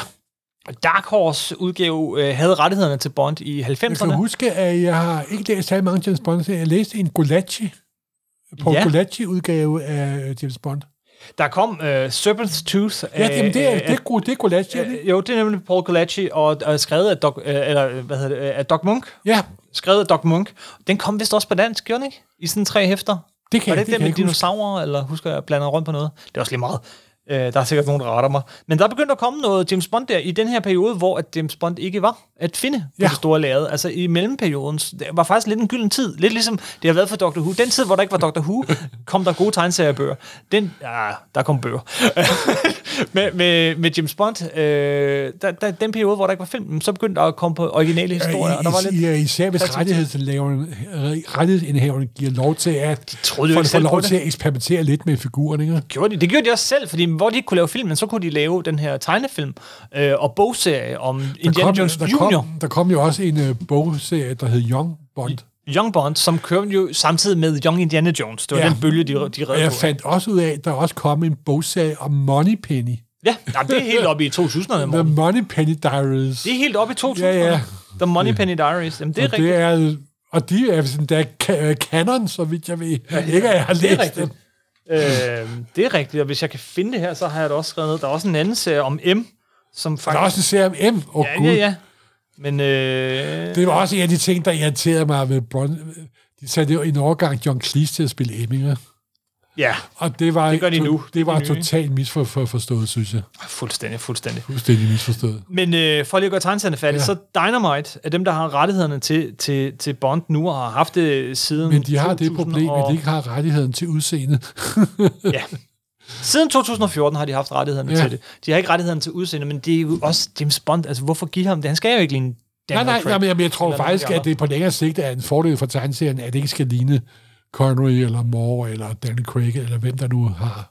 De har, de har faktisk, de, de uh, bruger nogle penge på det her. Altså, de har, øh, øh, de startede med Warren Ellis, Ja.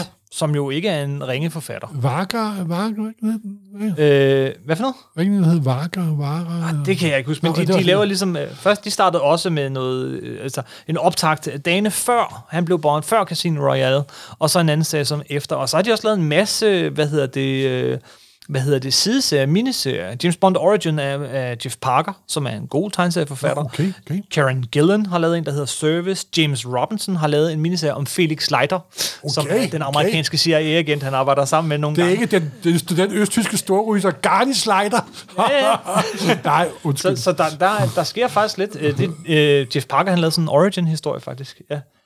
Øh, Declan Shelby har lavet en, en, en M-miniserie sammen med PJ Holden.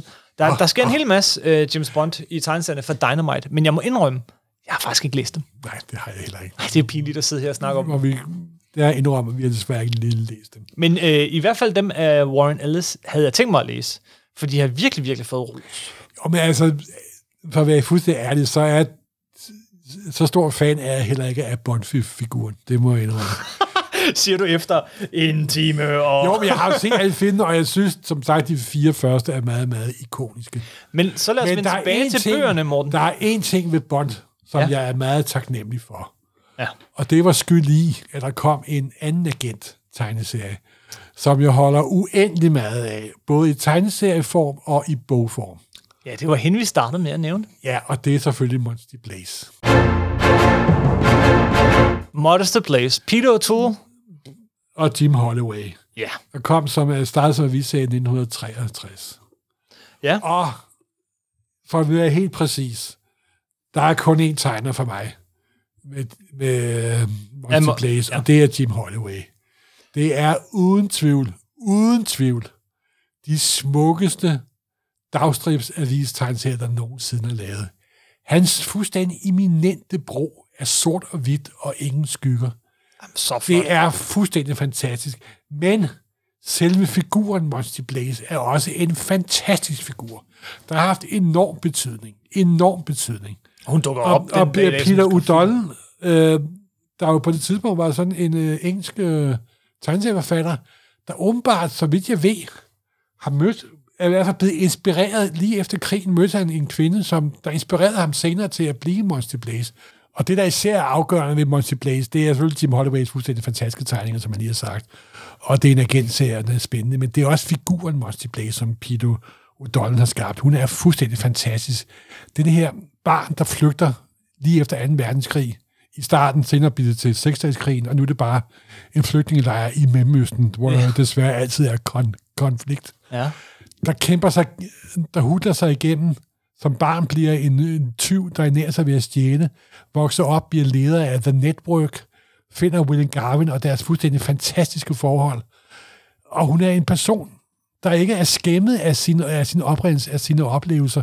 Hun, hun gør det til noget positivt. Hun er en positiv udgave af James Bond. Og hun er en fantastisk kompleks figur, simpelthen. Og i tegneserien er det okay, men i bøgerne, som jeg holder utrolig meget af, jeg har læst alle Peter Donald Monty Blaze-bøgerne, Ja. mange gange. Jeg kan dem forfra og bagfra, simpelthen. Og de er noget af det bedste action-adventures, der nogensinde er skrevet. Sådan agent-action-adventures. Jeg synes, de er milevidt bedre end James Bond-bøgerne, simpelthen. Milevidt, simpelthen. For en bog som I, Lucifer eller Last Day in Limbo, de er fantastiske, simpelthen. Og også, Peter O'Donnell havde også helt specielt forhold til figuren. Der er ingen andre, der har fået lov til at røre hende, simpelthen.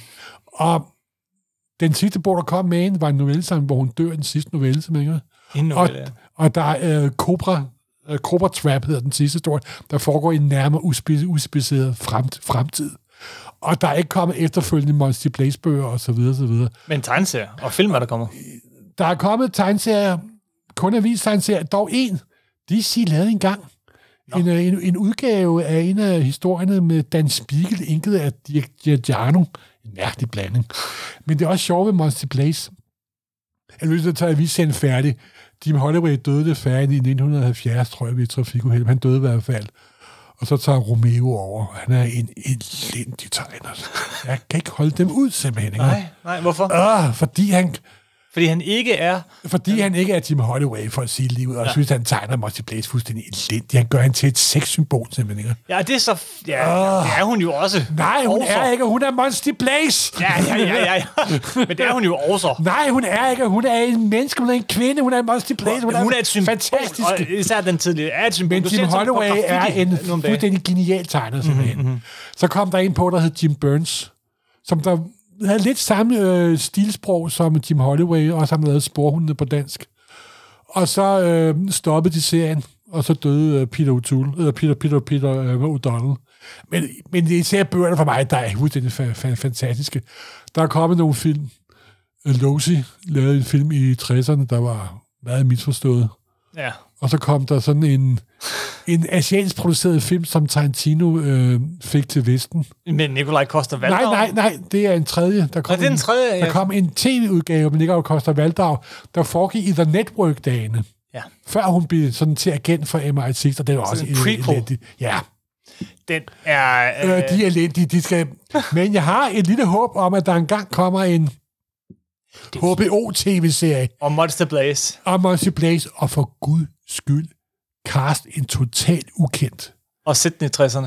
at sætte den i 60'erne. Ej, det behøver sådan set ikke. Det, kan- det kan godt sælges noget år som helst, fordi hun kan altid, en ond, men skal være undslippen for en flytningelejr i Middelhavslandene. Det skal være en, der har en Middelhavslook, ja. simpelthen. Det skal ikke være en engelsk eller amerikansk skuespillerinde. Det skal det altså ikke være.